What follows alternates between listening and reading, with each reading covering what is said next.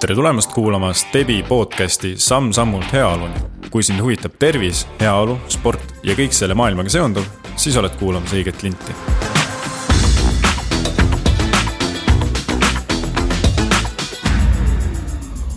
stardime, mina olen ikka Ott Blum ja meie järgmises Stebi podcasti episoodis on täna, ma ei teagi, coach, projektijuht, korraldaja ja ütleme ausalt, heaolu ja hea emotsiooni turundaja ja jagaja äkki, Killu Kolsar, kellega me ehk jõuame siit-sealt rääkida natukene, kuidas tema on oma heaolu leidnud ja kuidas võib-olla igapäevast maksimum võtta. tšau, Killu. oi, vau, tšau, milline intro, see oli väga luuleliselt kokku pandud, peaks ütlema aga sind ongi raske võib-olla ühe lausega kokku võtta. Seega tegelikult kuna väliselt me näeme, kuidas sa jõuad ja jaksad olla igal pool ja uutes tegevustes, siis tegelikult eh, tahakski su enda käest küsida, et eh, millega sa tegelikult iga päev enda arust tegeled? millega ma iga päev tegelen äh,? väga hea küsimus, ma arvan, et kõige lühem ja konkreetsem vastus on see, et ma üritan elada nii ägedat elu, kui ma oskan sest äh, miks ma võib-olla ka käin ja toimetan ja teen, see on nagu ajas hästi palju kujunenud, on ju, et ma olen alati olnud pigem sihuke no aktiivne, sihuke aktivist. ja ma arvan, et kui astuda veel samm tagasi, siis see tegelikult tuleb sellest, et ma ei ole kunagi päriselt teadnud, mida ma teha tahan. aga ma ei ole kunagi suutnud otsustada, mul ei olnud, ole olnud seda ühte asja, mis on minu asi, et oo oh,, see ma ei tea, arst tahan olla või kosmonaut või fotograaf või midagi, et mul ei ole seda olnud. seega ma vist olengi lihtsalt katsetanud ja käinud ringi, proovinud siit ühte asja, siit-sealt asja, kolmandat, neljandat, viiendat. ja siis selle kaudu kuidagi on mingid asjad välistatud ja mingid asjad on jäänud külge, et oh, see on ju päris lahe, siin on lahedad inimesed, see annab mulle mingit särtsu ja energiat juurde ja siis ma olen sealt välja noppinud need asjad, mis, mis mulle meeldivad ja, ja võtnud need nii-öelda endaga tänasesse päeva ka kaasa mm. -hmm. aga siis näiteks tööalaselt, mida sa, mis sul praegu käsil on, mis on see, mida sa praegu proovid või katsetad oma elus? Mm -hmm. minu töö kaks kõige suuremat aspekti on siis Asi on minus ja Treski.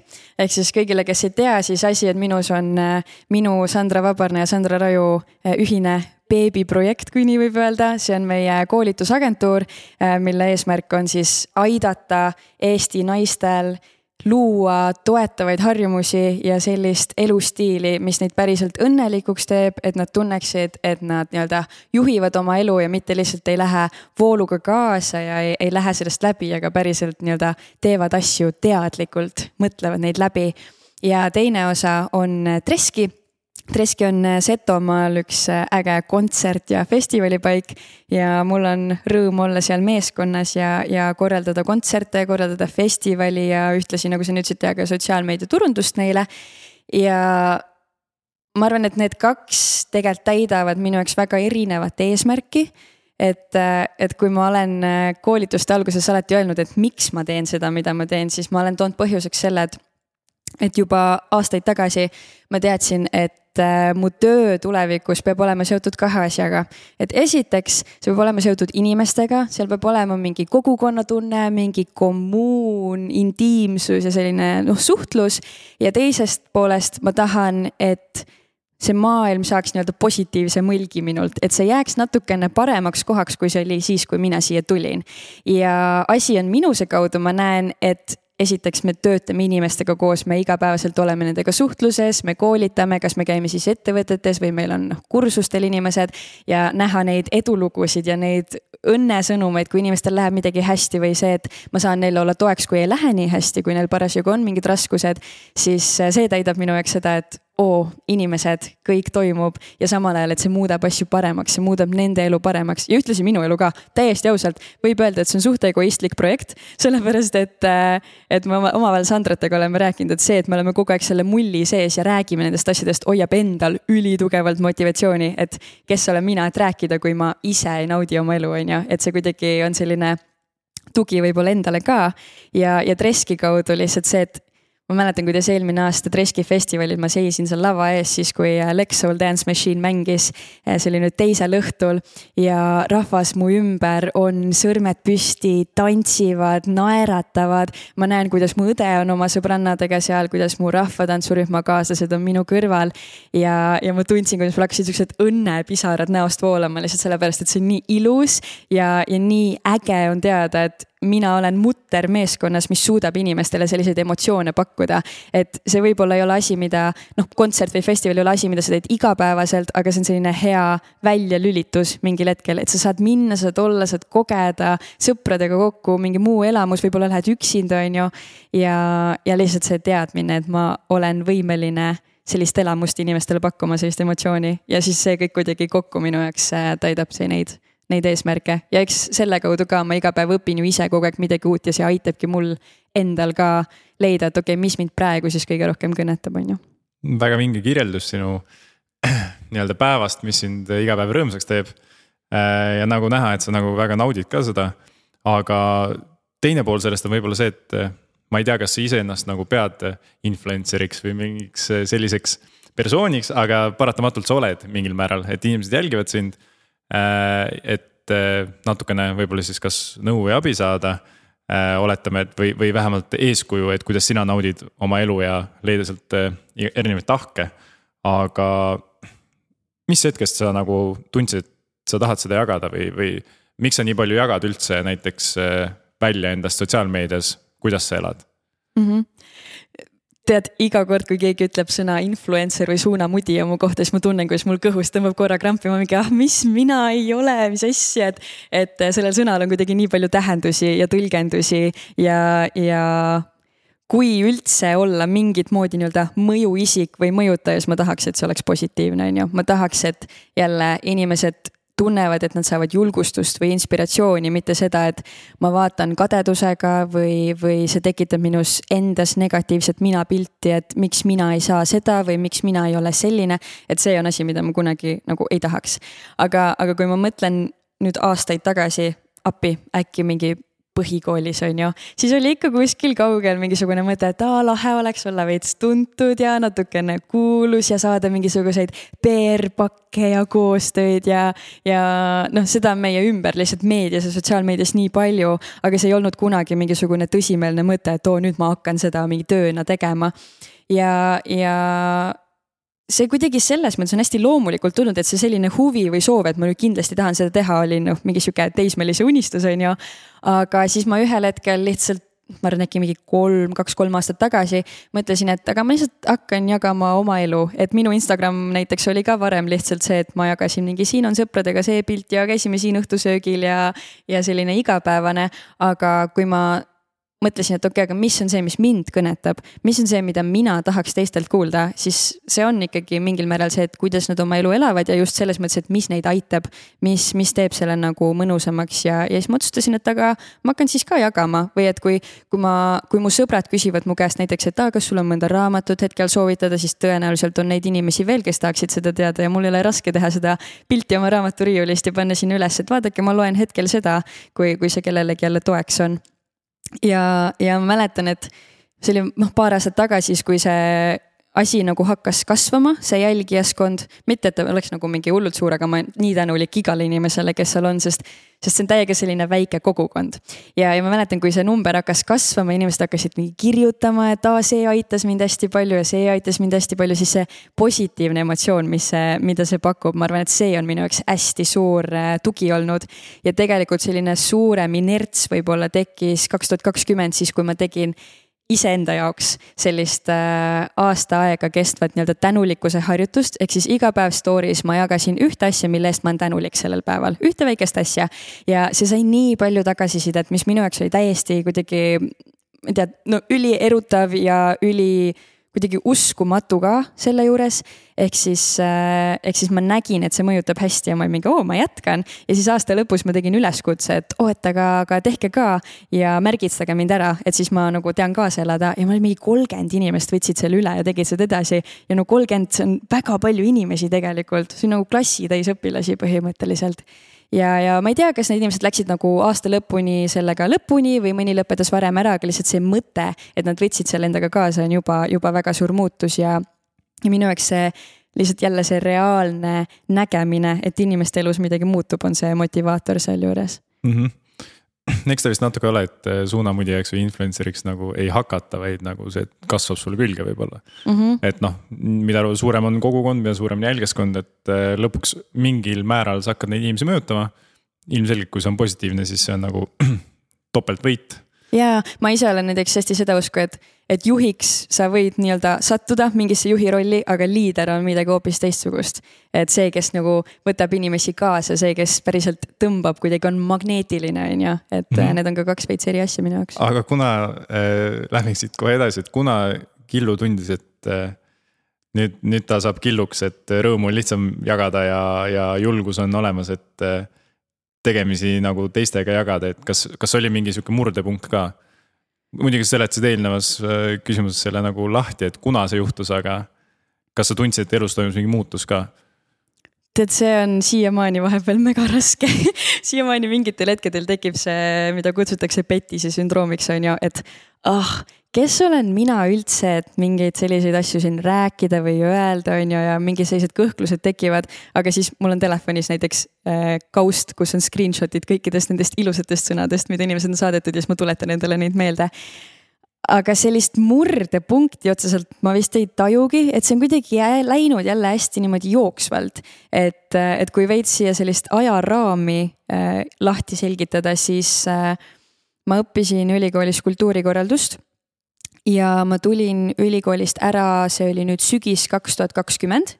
ja siis ma hakkasin tööle Jalmar Vabarnaga tema assistendina, siis sealt edasi ma hakkasin Sandra Vabarnaga tööle, kes just kusjuures tegi ära oma arengutreeneri paberid ja, ja ma nägin kõrvalt hästi nagu, kuidas tema seda äri ehitas. ja, ja ma olin ise mitu aastat tolleks hetkeks juba jälginud mingisuguseid USA coach'e ja see kuidagi tundus nii põnev mulle jälle see, et aa, et see on kuidagi eneseareng ja tasakaal ja samas sa saad teistega suhelda ja seal olid mingid nagu mõtted kuklas olnud, aga ma ei olnud teadlikult teinud samme selle suunal.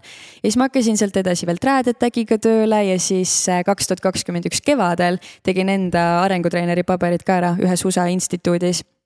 ja siis sügisel me tegime Sandraga koos ühe koolituse niimoodi, et ma olin nii-öelda eh, vastutuspartner siis eh, nendele osalejatele, kes seal oli nii-öelda tugi coach'i eh, roolis, rollis ja ja see oli, ma arvan, esimene selline, kus ma mingi vau wow,, okei okay,, ma saan päriselt nagu tööna seda teha või kuidagi raha teenida selle eest, et see oli minu jaoks nii absurdne, et ma arvan, et ma olen ülitänulik, et ma olen teinud otsuseid, mis on mind viinud a la vabarnateni ja sealt edasi Sandra Rajuga kokku ja sealt edasi asi on minuseni, sest ma kindlasti ei teeks praegusel skaalal seda, mida ma teen, kui ei oleks neid inimesi olnud minu ümber mm. -hmm. et see on täiega olnud katapult ja ma olen nii tänulik selle eest, et ma olen selles kohas ehk siis killust sai killu tegelikult ka tänu teistele inimestele, mitte ainult sa ise nagu justkui töötanud üles ennast. ja absoluutselt ja ma arvan, et see töötab igas vallas nii, et muid noh, me keegi ei tee üksi ju tegelikult neid asju, mis me teeme, et äh, inimesed on üks meie, inimesed ja aeg on meie suurimad varad minu meelest. absoluutselt, aga äkki sul on äh, ka enda kohta üks asi välja tuua, mis on äh, sind kõige rohkem enda kestast justkui välja toonud, et, et sellest tavainimesest nüüd natukene sihukeseks eh, ekstravertseks, kes suudab jagada väga paljusid teemasid teistega, ilma et ta väga põeks selle pärast mm. -hmm. ma arvan, et siin me peame veel tegelikult ajas tagasi minema et ma räägin siin võmst oma eluloo ära, aga see on nii selles mõttes, et kui mõni inimene räägib sellest, et tal on olnud mingisugune läbipõlemine ja siis ta muutis oma elu. mõni inimene saab lapse, läheb lahku, kolib teise riiki ja neil on selline üks hästi äratuntav punkt, kus kõik asjad muutuvad. siis ma olen alati natukene hädas olnud, kui küsitakse neid selliseid murdehetki, sest ma ei, ma ei tunne, et mul oleks neid. sest ma olen olnud kogu elu väga tasakaalukas, sihuke korralik, kui võib öelda, ja üpris analüütiline inimene. ehk siis see kogu enesearengu teekond on olnud suht selline lineaarne, muidugi seal on mingeid hüppeid ja, ja mingeid languseid, aga see ei ole olnud selline, et nüüd üks asi juhtub ja siis kõik muutub.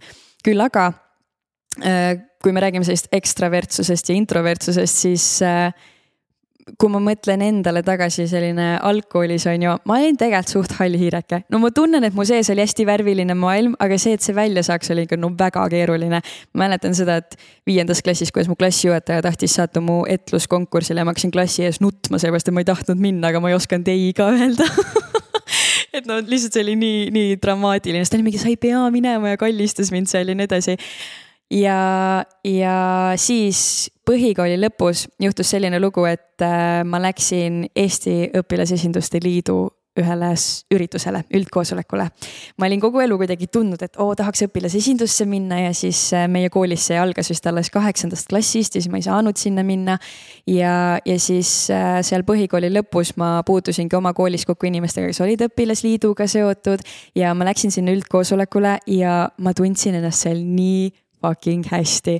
ma tundsin nii hästi ennast seal, sest kuidagi seal olid minu moodi inimesed, inimesed, kes on ambitsioonikad ja kellel, kes üritavad ja kes tahavad teha teistmoodi ja kes tahavad teha sisukaid asju, ma lihtsalt tundsin hästi koduselt ennast seal ja, ja minu õpilasliidu teekond tegelikult areneski niimoodi, et ma alguses olin seal paaril üritusel käinud, siis ma kandideerisin ise korraldusmeeskonda, ma sain sinna, siis ma kandideerisin ühte töövaldkonda, ühte töögruppi ja siis sealt edasi lõpuks siis, kui ma olin gümnaasiumis, siis ma olin ka selle õpilasliidu ehk siis üle-eestilise organisatsiooni juhatuses.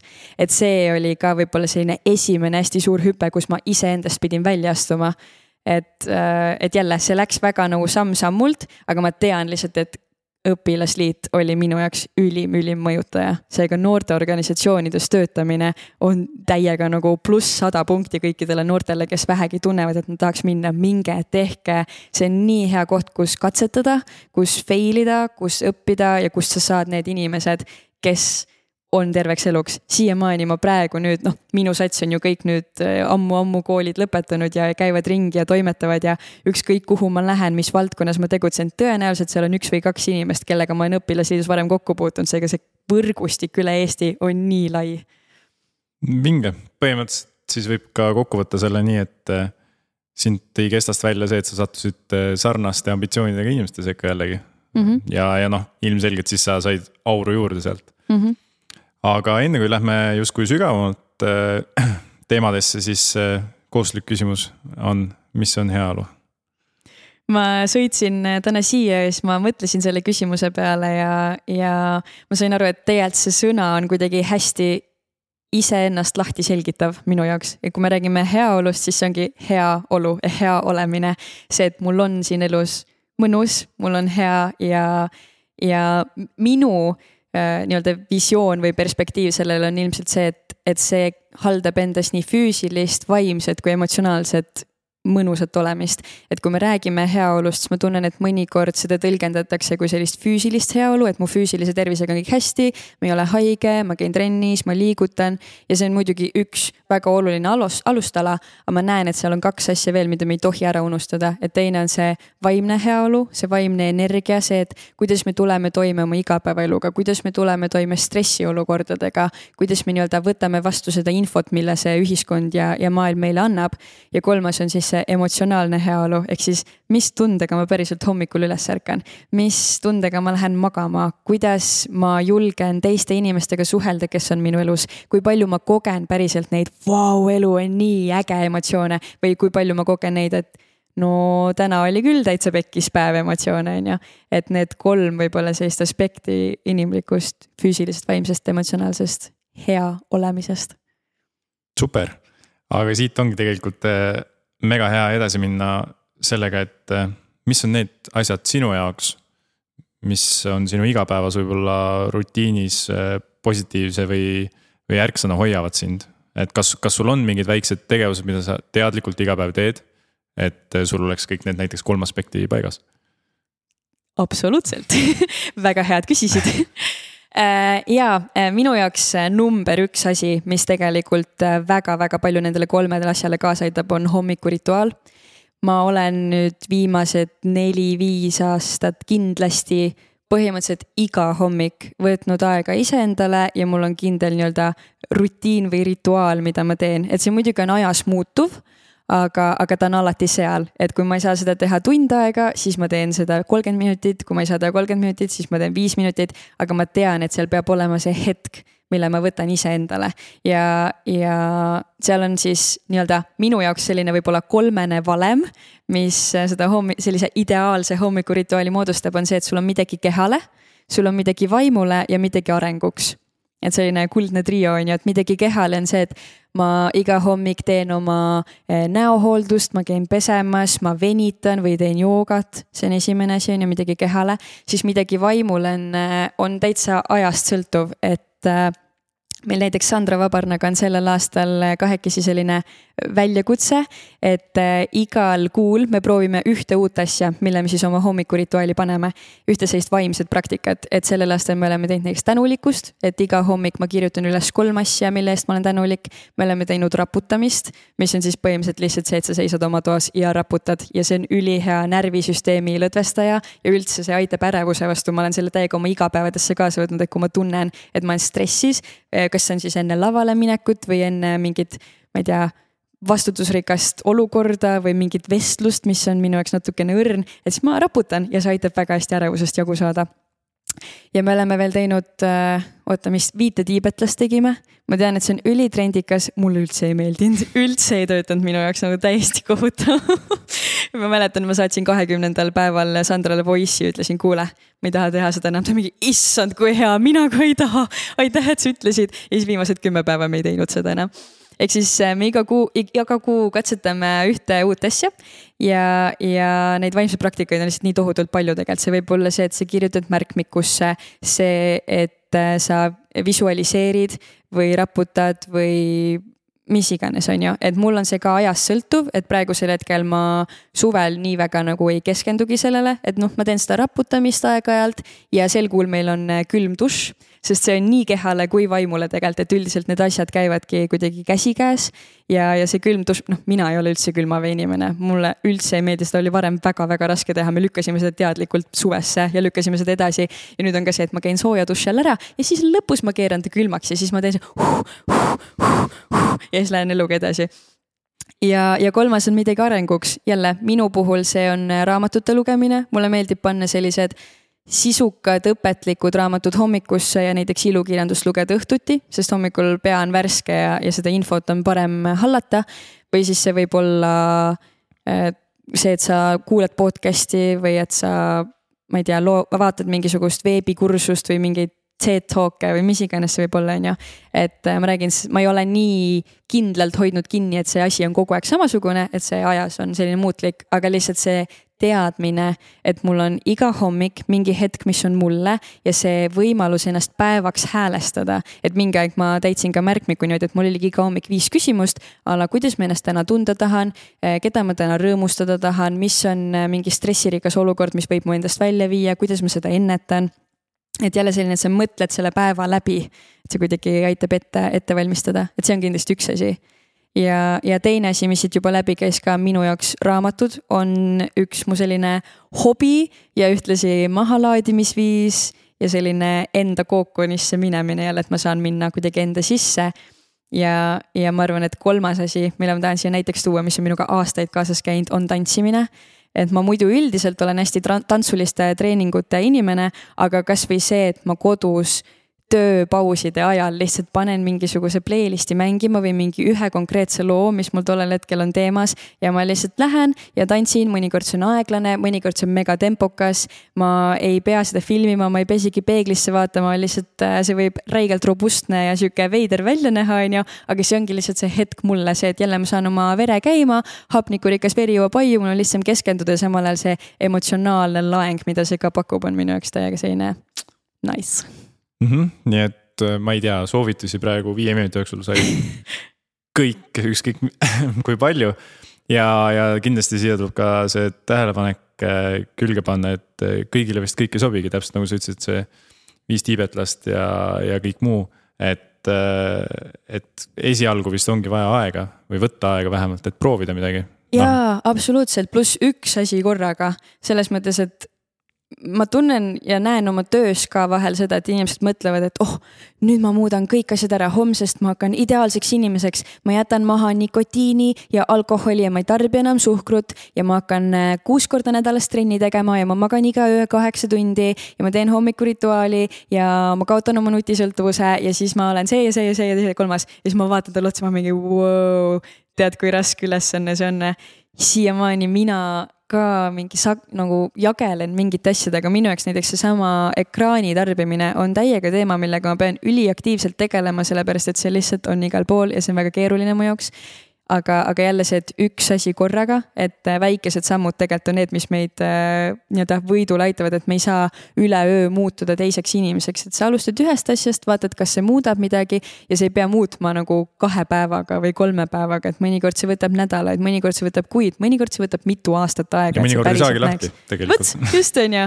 aga siis tuleb sellega vist nagu leida positiivne külg või elada sellega lõppkokkuvõttes, et noh, kindlasti saab ära kasutada neid äh, halbu külgi ka võib-olla heas. pluss mina arvan ka, et tegelikult ei ole asju, mis oleks meile üdini halvad ausalt öeldes, et kõike tuleb teha jälle mõõdukalt ja tuleb välja mõelda, miks sa seda teed. see miks'i leidmine lihtsalt on ka üks ülim kuidagi samm, mida me saame astuda, et kui sa tahad üldse hakata uusi harjumusi looma või mingit hommikurituaali ehitama või, või millestki lahti saama või midagi oma ellu juurde võtma, siis tuleb endalt küsida, miks ma seda tahan. sest esiteks see aitab tulevikus motivatsiooni hoida, et ma päriselt saan aru, et okei okay, ma nüüd ei jaksa üldse ja siis ma tuletan endale meelde, kas mul on mingi pilt sellest motivatsiooni põhjusest, kas mul on see kuskile üles kirjutatud, kas mul tuleb telefoni mingi teade aeg-ajalt, et ma oskan seda endale meelde tuletada raskel hetkel ja, ja jah mm. -hmm aga natuke juba puudutasime nagu teisi inimesi ka, et eh, meie siis ühiskond, et meil on noh, tegelikult justkui tundub, et probleeme on juurde tekkimas. Eh, just see, et ongi ekraanid, on kõik muu, kõik, mis meid endasse tõmbab, mida, mis tegelikult noh, võib-olla ei too meile väga palju kasu. aga kuidas sina nagu näed seda, et kuidas praegu ühiskonnas selle positiivse energiaga või, või heade emotsioonide jagamisega on, et kas, kas saaks rohkem või, või on tegelikult hästi, et me nagu kiidame, innustame nii ennast kui teisi endiselt? see on üks väga-väga suur küsimus see on üks väga suur küsimus. tead ähm,, ma arvan, et mõlemat ma arvan, et äh, on kohti, kus me saaks kindlasti üksteist rohkem tunnustada ja kiita ja vähem solvata ja, ja hoida oma negatiivseid mõtteid endale. ja samal ajal on kohti, kus me juba teeme seda ja see on väga äge ja, ja seda on ilus jälgida. et um, hmm, okei okay,, oota ühesõnaga kas sa mõtled nagu pigem ühiskonnas üldiselt või sa mõtled sotsiaalmeediat ja meediat või lihtsalt suurt? ma mõtlen ühiskonnas üldiselt tegelikult, et noh äh,, nii-öelda kasvõi äh, inimene tänavalt või, või sinu sõber, et kas me näeme, noh, praegu on suveaeg, praegu on, ei ole nagu elul väga vigagi. kõik on enamasti rõõmsad, tulevad tööle, õues on valge, nägu on naerul. aga, aga just see, et võib-olla see pimedal ajal me noh, iga aastaga räägime üha rohkem, et ongi kurvem ja halvem ja kõik on nii paha. et, et minule jääb sihuke mulje, et meil seda positiivset energiat või selle tunnustamist vähemalt on jäänud natuke vähemaks, kuigi me to-, tõstame jah, seda rohkem võib-olla esile, kui seda märgatakse. aga, aga see on lihtsalt minu enda võib-olla selline arusaam sellest, et sa võid selle ümber lükata, et võib-olla meie ümber ongi ainult positiivset ja negatiivne on kadumas tead, ma arvan, et see on nii kuidagi sihuke polaarne, et see ei kao mitte kunagi mitte kuskile, et alati on inimesi, kes toovad negatiivsust su ellu, alati on inimesi, kes tekitavad sinus võib-olla ebakindlust või, või kadedust või, või mingit sellist frustratsiooni, pettumust, mis iganes see negatiivne emotsioon on, on ju. pigem me jõuamegi siit tagasi selleni, et kellega sa ennast ümbritsed et ma ise arvan, et, et need inimesed meie elus, no tegelikult see on teaduslikult tõestatud ka, kui teadusfakte nagu võib tuua, aga ei pea tooma, et, et see on igatpidi teaduslikult tõestatud, et see, kui meie ümber on toetavad suhted, mis tekitavad meist turvalist tunnet ja, ja heaolu, siis see pikendab meie eluiga, see aitab meie vaimsele tervisele kaasa ja sellepärast on nii, nii oluline, et kes need inimesed minu ümber on. et ma ise tunnen ka, et ma teen aeg-ajalt sellist suhete inventuuri, mulle meeldib öelda, et ma vaatangi otsa oma tutvusringkonnale ja mõtlen, et okei okay,, kes on need inimesed, kes on mu elus praegu, keda ma tahan, et oleks rohkem, kes on need, kes päriselt panevad mind tundma, et kõik on võimalik, et ma olen äge, et nemad on ägedad, et elu on äge ja, ja et, et selline rõõmus, positiivne energia tekib nendega, kes on need inimesed ja kuidas ma saaks neid rohkem enda elus nii-öelda toetada, kuidas ma saaks teha nii, et nad oleks rohkem minu jaoks olemas ja mina nende jaoks olemas, nad oleks mulle lähemal.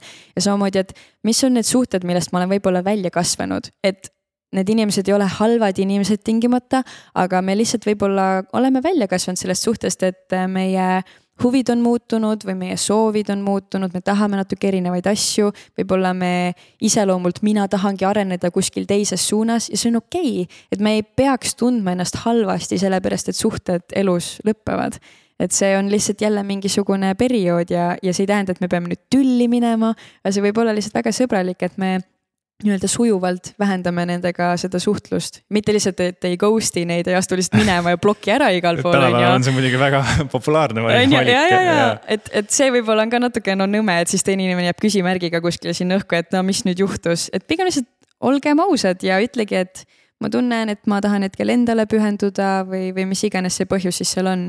ja kolmas asi on see, et keda ma saaksin juurde tuua enda ellu, kes mind inspireerib. minul näiteks äh, selle aasta, mul on viimased aastad olnud nii-öelda aasta märksõna ja minu selle aasta märksõna on connection ehk siis ühendus. ja, ja alguses ma võtsin väga tugevalt selle sihi, et äh, see ongi inimestega seotud, ehk siis see suhete inventuur kestab läbi aasta väga fokusseeritult, et keda ma tahan nii-öelda rohkem oma ellu tuua sisse, kellest ma nii-öelda tahan eemalduda natukene ja mis on need suhted mida ma tahan oma ellu juurde tuua ja siis ma võtsin endale sellise ülesande, et iga kuu ma saan kokku ühe uue inimesega. ma kirjutan talle või ma helistan talle, võib-olla me oleme tuttavad, võib-olla me oleme kuskil kunagi kohtunud, võib-olla me absoluutselt ei tea üksteist. ja ma kirjutan talle, küsin, kas sa tahaksid minuga lõunale minna ja siis, kui jah, siis me lähme. ja ma olen ma ei ole seda teinud päris iga kuu nüüdseks, aga ma olen selle kaudu saanud väga lahedaid uusi sõpru.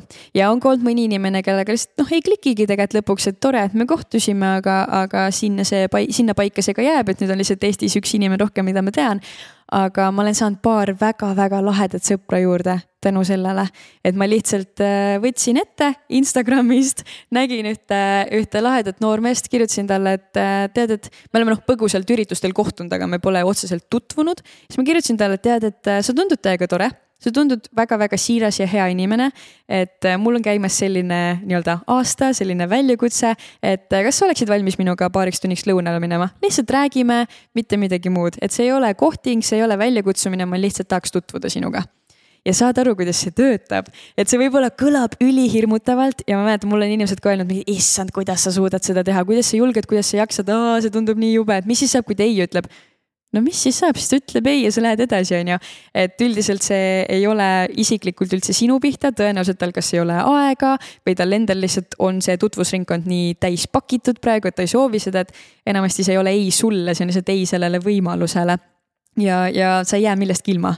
selles mõttes, et kui ta ütleb ka ei, siis noh, okei okay,, tore, ja siis sa lähed järgmise inimese juurde. aga kui ta ütleb jah, mõtle, mis sellest kõigest saada võib, et see on see võimaluste mäng jälle on ju, et what if me sageli vaatame seda what if'i või seda, mis oleks, kuid negatiivses mõttes, aga aa, mis siis saab, kui nii juhtub.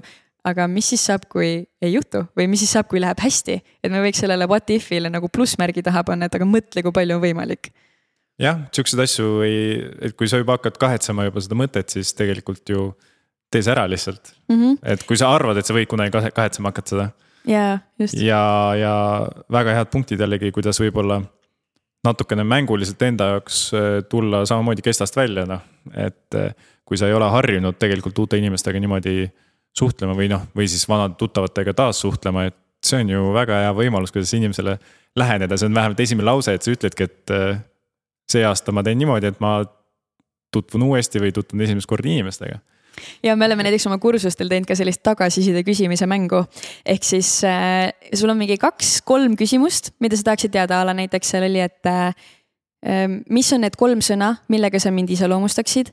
Ja, ja a la mingi, mis on üks asi, mida sa ei ole jõudnud või julgenud mulle kunagi öelda ja noh, mingid sellised küsimused lihtsalt enda kohta, et üldiselt me oleme alustanud sellises positiivses võtmes, sest see võib olla veits hirmutav kirjutada oma inimestele sihukest asja. ja siis me lihtsalt äh, lasime inimestel oma lähedastele saata meiliga näiteks need küsimused või Messengeris või mis iganes, kus sa tahad ja ma tegin ise ka seda. saatsin viiele sõbrale vist selle kirja ja endal ka korra nagu süda puperdus, olin nagu mingi, et huvitav on ju, et kas nad vastavad, kas nad üldse võtavad selle aja. ja ma sain nii positiivse üllatuse, et inimesed päriselt tegelikult võtsid selle aja. Nad võtsid selle aja, et vastata ja ma sain nii põnevaid vastuseid ja sealt algasid mingid täiesti uued vestlused ja ma tunnen, et see avas nendes suhetes mingi täiesti uue sellise äh, leveli, kui nii võib öelda. et äh, et ma sain teada, mida need inimesed minust nagu päriselt arvavad või et mis on need jälle, see lihtne küsimus, mis on need kolm sõna, millega sa mind kirjeldaksid või iseloomustaksid. et see on see, et kui sa peaksid kellelegi teisele mind tutvustama, kuidas sa seda teeksid ja see ütleb ülipalju selle inimese ja teie sõpruse kohta. ja jällegi, äh, mida me ütlesime ka oma kursuse inimestele, on see, et kui sa niisama ei julge küsida, ütlegi, et saad aru, ma olen praegu sihukesel koolitusel ja mul oli sihuke kohustuslik ülesanne, ma pidin selle ära tegema ja lükka täiega meid tanki lihtsalt. et jälle siin võite ka öelda, et ah, mul on sõbraga mingi väljakutse. Ja, ja lükata nii-öelda enda pealt see vastutus ära, et kui natuke on ebamugav, et siis äh, lükake, oh, võite mind ka tanki lükata, öelge, ma kuulasin ühte podcast'i. Ja seal oli üks Pihv Killu ja siis ta ütles, et peab nii tegema. Ja lükake mind täiega tanki, nagu see on väga fine. Ja ma olen suhteliselt kindel, et teisel või kolmandal korral, kui see asi jätkub, siis enam ei lükata tanki. vaid siis tekib see julgus, kui sa esimese vastuse ära saad, et siis tegelikult ju asi hakkab veerema, ma olen täiesti kindel. ja jälle need väikesed sammud on ju, et hakka kuskilt lihtsalt minema. ja tegelikult sa vastasid väga hästi ka minu justkui järgmise küsimuse ära juba noh, võib-olla eelmise üle-eelmise küsimusega, et äh, millest võiksid inimesed rohkem kinni hoida võib-olla või millest lahti lasta tänapäeval, siis äh, meil vist natukene on see ühiskond, et äh, oleme people pleaser'id ehk siis üritame kõigile natukene meeldida, meil on natukene sellised võltskuvandid võib-olla liikumas tänu sotsiaalmeediale. nii endast kui ka teistest või arusaamad maailmast, et, et tegelikult lõppkokkuvõttes ju, kui me, podcast on heaolust, siis millest me esialgu räägime, on meie ise. ja kui sul ei ole hea, siis tegelikult miks sa peaks pingutama veel, et nagu teistel oleks parem, aga iseennast alla tuues. et, et see on väga hea mõte natukene see suhtepuhastus, et äh, jah, inimeste käest ei pea lahku lööma, aga tegelikult tasub läbi mõelda, et äh, mis inimesed sind rohkem õnnelikuks teevad ja kuidas nad seda teevad ja lihtsalt liikuda selle suunas rohkem. Mm -hmm.. pluss, pluss, mida veel mõelda, ongi see, et, et mis nende inimeste juures sind kuidagi särama paneb või mis teeb sind õnnelikuks, miks need inimesed just, mis on see, mis on see isikuomadus või oskus või, või viis, kuidas nad räägivad või mida nad ütlevad või mis sõnavara nad kasutavad või milliste hobidega nad tegelevad, et nagu konkreetselt välja mõelda, et mis nende inimeste juures on see asi, mis mind tõmbab, sest siis me saame neid asju ka enda ellu rakendada, et muutuda selleks inimeseks, keda me armastame, on ju. ja et..., ja duubeldada neid inimesi enda ümber ka, et, et sa hakkadki samasugused inimesed veel otsima ja, või isegi sa ei pea otsima, arvatavasti nad tulevad ise, kui sa muutud sinna gruppi sobivaks justkui, kus sa tahad olla mm. -hmm. mina selles mõttes olen hästi energiate usku, et äh, noh, kõik asi siin maailmas on energia, kõigel on oma vibratsioon ja ma tean, et mõnikord sellele pannakse külge mingi kelluke, et aa, see on pseudoteadus ja, ja et see on mingisugune noh, need, kes kristallikesega ringi käivad, on ju. aga ma arvan, et seal on mingi tõde taga et, äh, et seal on mingi viis, et me jälle nagu sa ütlesid, me tõmbame inimesi, kes on sarnased meiega. ma mõtlen ka tagasi oma ala õpilasliidule või, või asi on minusele ja sellele, mis inimesed mind praegu ümbritsevad, et mida mulle, mulle meeldib hullult üks ütlus, et äh, mida rohkem sa oled sina ise, seda turvalisem on teistel sinu ümber olla nemad ise ehk siis see, et sina oled nii veider või lärmakas või hüplev või rõõmus või hoopis melanhoolne ja endasse hoidev, mis iganes sa tahad olla, on ju. mida rohkem sa oled see ja mida rohkem sa päriselt elad sedasorti elu, seda rohkem sa lubad ka teistel tegelikult elada sellist elu, et sa näitadki seda eeskuju, et saab aru, et aa, see on okei okay see on üllatav, kui väga inimesed lihtsalt vajavad seda nii-öelda luba või seda nõusoleku lehte, et see, mida ma tunnen, on ok ja see, mida ma tunnen, on õigustatud ja teised tunnevad ka nii ja ma ei ole selles üksi. et me ikkagi oleme karjaloomad ja me otsime enda ümber teisi ja, ja samamoodi see noh, sama see energia teema, et me vibrame kõik, me võngume kõik mingisugusel lainel ja, ja noh, see on puhas füüsika tegelikult on ju. et meil kõigil on oma mingi see elektriväli on ju, siis okei okay,, no see läheb juba väga metaks ära, on ju. aga, aga ilus on, ilus on niimoodi mõelda, et see on nagu mõtteharjutus minu jaoks ka. et ilus on mõelda, et me võngume kõik mingisugusel lainel ja kui me tahame sellel lainel inimesi, siis me peame ise ka seal võnkuma. see laine võib olla ükskõik mis tegelikult ju mm, -hmm. emotsionaalne, füüsiline. et äh, ja väga hea kinnitus võib-olla neile, kes ei ole või kes põevad oma samme või ei julge mingit midagi teha või lahti öelda või hoopis äh, kuhugi sisse minna, et. Äh, et tasub julgem olla ja lihtsalt minna sinna suunda, kus sa tahad. ja ma täiega saan aru, et see ongi jube hirmutav nagu ma mõtlen enda loole ka, et, et ma ei ole alati olnud selline, nagu ma olen praegu, ma ei ole alati olnud valmis nii avatult rääkima või tulla mingi poolvõõraste kuttide stuudiosse, istuda mikri taha ja lihtsalt avada oma elu ja mingit tausta, on ju, et kunagi see oleks ilmselt mega hirmutavalt, ma oleks võib-olla seal ukse taga mingi pool ärevushoo saanud või midagi sellist. aga, aga see on jälle, ma lihtsalt korrutan iseennast väikesed sammud, et see tee see üks julge samm et me, selline tore harjutus on ka, ongi nagu üks julge samm, on ju. et kui sul on mingisugune eesmärk või mingisugune siht või midagi, mida sa tahad siin elus teha, see võib-olla tundub hullult suur, võib-olla see, et tahan kunagi Eurovisioonil esineda. võib-olla see on see, et ma tahaks oma elukaaslasest lahku minna, mis iganes, see võib olla nagu noh, täiesti erinev samm, on ju, või see tegu. ja siis küsimus on see, et mis on see esimene asi, mis on see kõige väiksem esimene julge samm, mida sa saad astuda, et liikuda sellele lähemale. näiteks oletame, et tahadki Eurovisioonil esineda, on ju, see esimene julge samm võib-olla on see, et sa mõtled välja, mida sina teeksid seal laval. esimene julge samm on see, et sa mõtled välja, et okei okay,, kas ma oleksin pianist või ma laulaksin, kas ma tahan hoopis tehnikuna olla seal, on ju. selle saad selgeks, mõtled, okei okay,, mis on see järgmine julge samm, on ju, mida ma järgmiseks saan teha, okei okay. kui ma tahan laulda, siis äh, äkki ma peaks laulutundi minema okei okay,, laulutundi minemine võib ka mega hirmutav olla, on ju. jälle, mis on see järgmine samm? see, et sa suhtled sõpradega, otsid toreda lauluõpetaja, kes nagu on head tagasisidet saanud, võib-olla lähed sõbraga koos, on ju. ja siis hakkad ehitama järjest sinna nagu seda teekonda. ja, juppideks võtmine on üks äh, oluline oskus esiteks, aga teiseks edasiviiv jõud ainuke vist suhteliselt. et mm -hmm. jah, tõesti üle varju pluss otse Eurovisiooni lavale on suhteliselt keeruline meil hüpata, ma ütleks. on ju, ja, ja pluss ongi tore, et saad neid äh, väikseid äh, linnukesi hakata tõmbama, et nii, see samm sai tehtud, see samm tehtud, väiksed eduelamused. ja kes võib-olla ei tea Stebi brändist justkui nii palju, siis või Stebist endast, siis Stebi on ka selles suunas, et noh, Stebi tähendab justkui step by step ehk siis äh, samm-sammult heaoluni või ükskõik milleni, mis sa soovid. sest ega seal võib-olla ei olegi lõppu nagu, kõik on piiritu, noh. Mm -hmm. saad Eurovisioonil ära, tahad hoopis äh, top üks billboard'i saada. et, et, et äh, lõppkokkuvõttes äh, võta see kõigepealt esimene samm, siis võib-olla veel väiksem teine samm, aga mingil hetkel sa ju jõuad kuhugi ikka. Yeah.. võib-olla teadmiseni, et sulle ei sobigi see, aga see on ka väga hea teadmine, et minna kuskile mujale täpselt, et võib-olla sa poole peal avastad, et aa, aga see polegi tegelikult mulle, on ju. ja minu arust sa tõid praegu või noh, sa avasid ülihea laeka eh, just selle osas, et, ähm, et me ei tohiks nii-öelda elada oma unistustes ainult. et, äh, et kui noh me nii sageli mõtleme, et aa, kui ma jõuan sinna, kui ma elan seal, kui ma teenin nii palju raha, kui ma kaalun nii palju, kui ma noh, mis iganes X, Y, Z on ju, et siis ma olen õnnelik või siis ma hakkan elama või siis ma leian need inimesed, siis ma noh siis mul on heaolu, eks ole. et me elame selles tulevikus ja me justkui ootame, et nüüd, kui see üks suur asi muutub, siis meie kogu elu muutub, on ju. aga tegelikult on see, et jah, mis siis saabki see, et sa jõuad sinna, on ju, saavutad oma selle ideaalse kaalupunkti, mis siis edasi saab?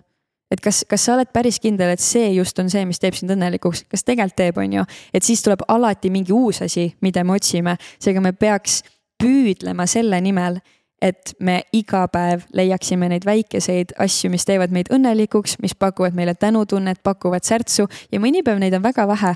mõni päev see ongi lihtsalt see, et ma olen terve nagu. Mõni päev see on lihtsalt see, et mul on käed, mul on jalad, ma hingan ja ma ärkasin täna üles. Ja ülejäänud päev on lihtsalt sorry, räigelt sitt nagu, kõik on nagu megatuksis ja see on see üks asi, aga see on sul olemas ikkagi jälle. et küsimus on, kuidas sa oma fookust suunad, aga lihtsalt jah, et me ei elaks nii väga tulevikus mingite sammude taga, et, et need soovid on pidevalt muutuvad, me peame kohanema nendega ja jah, me peame lihtsalt elama hetkes natuke rohkem, olema kohal, kohalolu on minu teine selle aasta sõna, mul on ikka kaks tükki ei, super. aga nüüd sa oledki jaganud meil siin äh, päris pikalt endast kõike, et äh, sa oled üldse julge tegelikult jagaja erinevatel teemadel võib-olla, mida inimesed ei jagaks enda kohta või, või ka rääkida nagu teistele. ehk siis esiteks sa räägid oma igapäevast, aga räägid ka nagu näiteks seksi teemadel ja kõigil muul, et miks sa seda teed ja kas seal nagu mingi teistsugune vastukaja ka, kui sa võtad mingi sihukese äh, teema ette, mida tegelikult äh, ei taheta võib-olla rääkida, aga võib-olla huviga kuulatakse? tead, ma arvan, et ma praeguseks hetkeks olen suutnud ikkagi piisavalt paksu naha kasvatada endale, et äh, mul on jumala suva või noh, nagu üks, ma arvan, mu elu kandev mõte on see, et ära aktsepteeri nende inimeste kriitikat, kelle juurde sa ei läheks ise nõu küsima. Ja see mõte lihtsalt hullult kannustab mind, sellepärast et tõesti isegi vahet ei ole, kas see on sotsiaalmeedia või see on mingi tutvusringkond või, või isegi mitte tutvusringkond, vaid nagu täiesti suvakad inimesed kuskil. et kui neil on midagi öelda, kui midagi negatiivset neile ei sobi, kuidas mina oma elu elan, siis tegelikult nad saavad sellest välja astuda.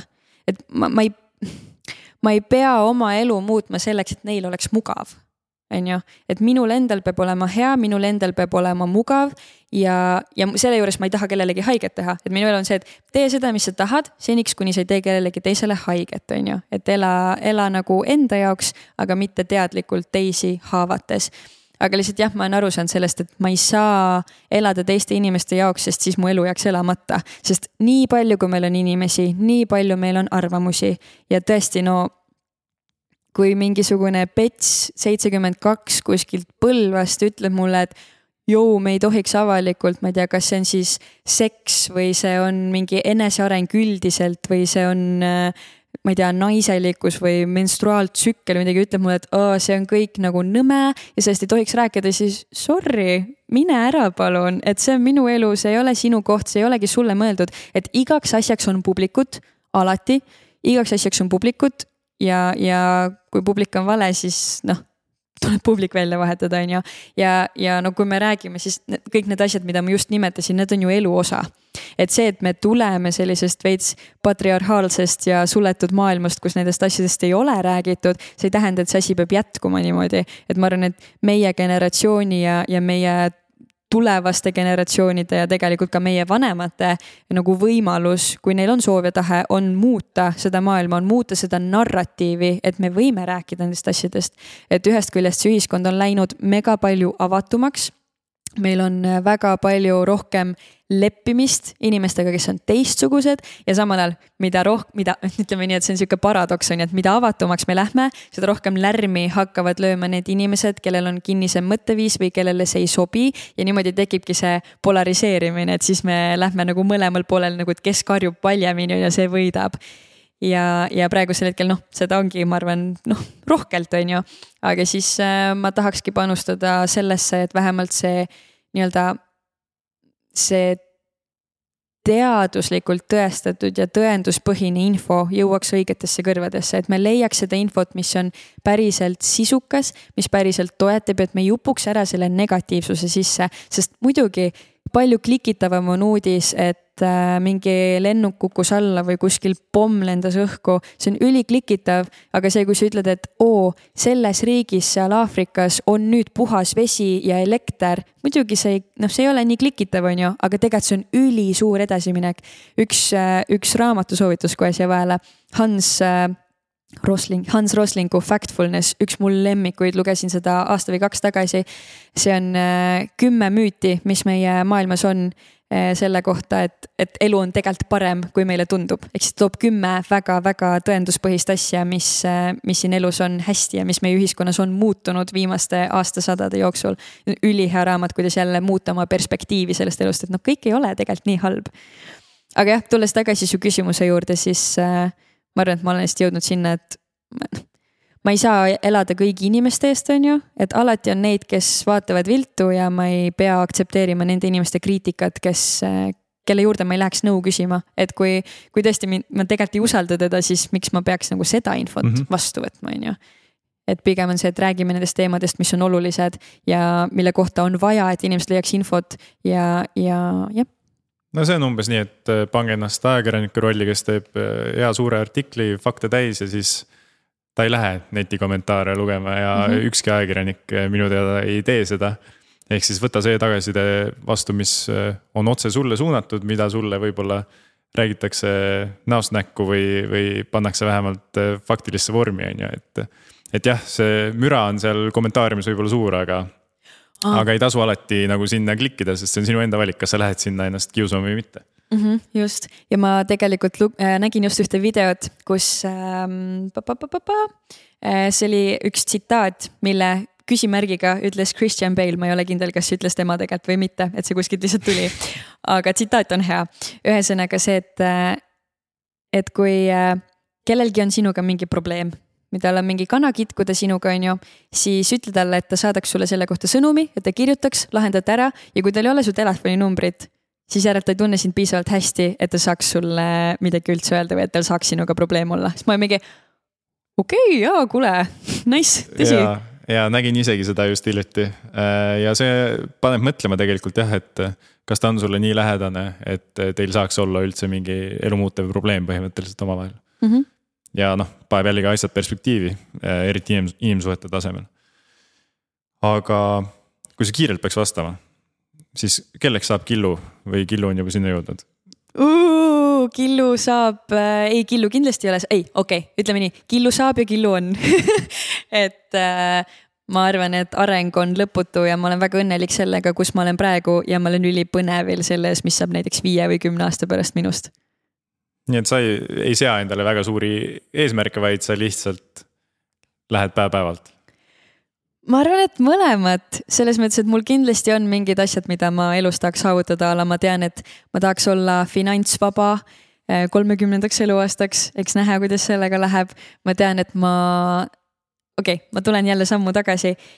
mul oli eelmise aasta lõpus ühe sõbraga vestlus teemal unistamine ja, ja eesmärkide seadmine üldiselt.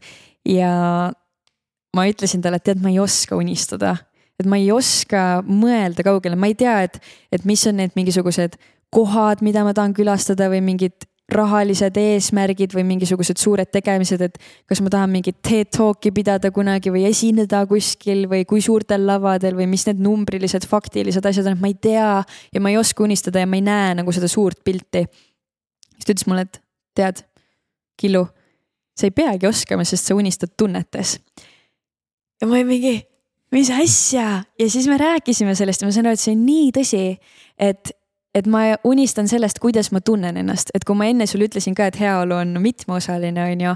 et tõesti, ma unistan sellest, mis tundega ma hommikul ärkan. ma unistan seda, sellest, kuidas ma tunnen ennast oma perega, kuidas ma tunnen ennast oma lähedaste ja sõpradega, kuidas ma tunnen ennast oma kodus, mis emotsioonid mind valdavad, mis asju ma teen, mis mind sütitavad, mis mind põlema panevad. kuidas ma saan vältida seda stressi ja ärevust ja negatiivsust või siis seda enda kasuks pöörata.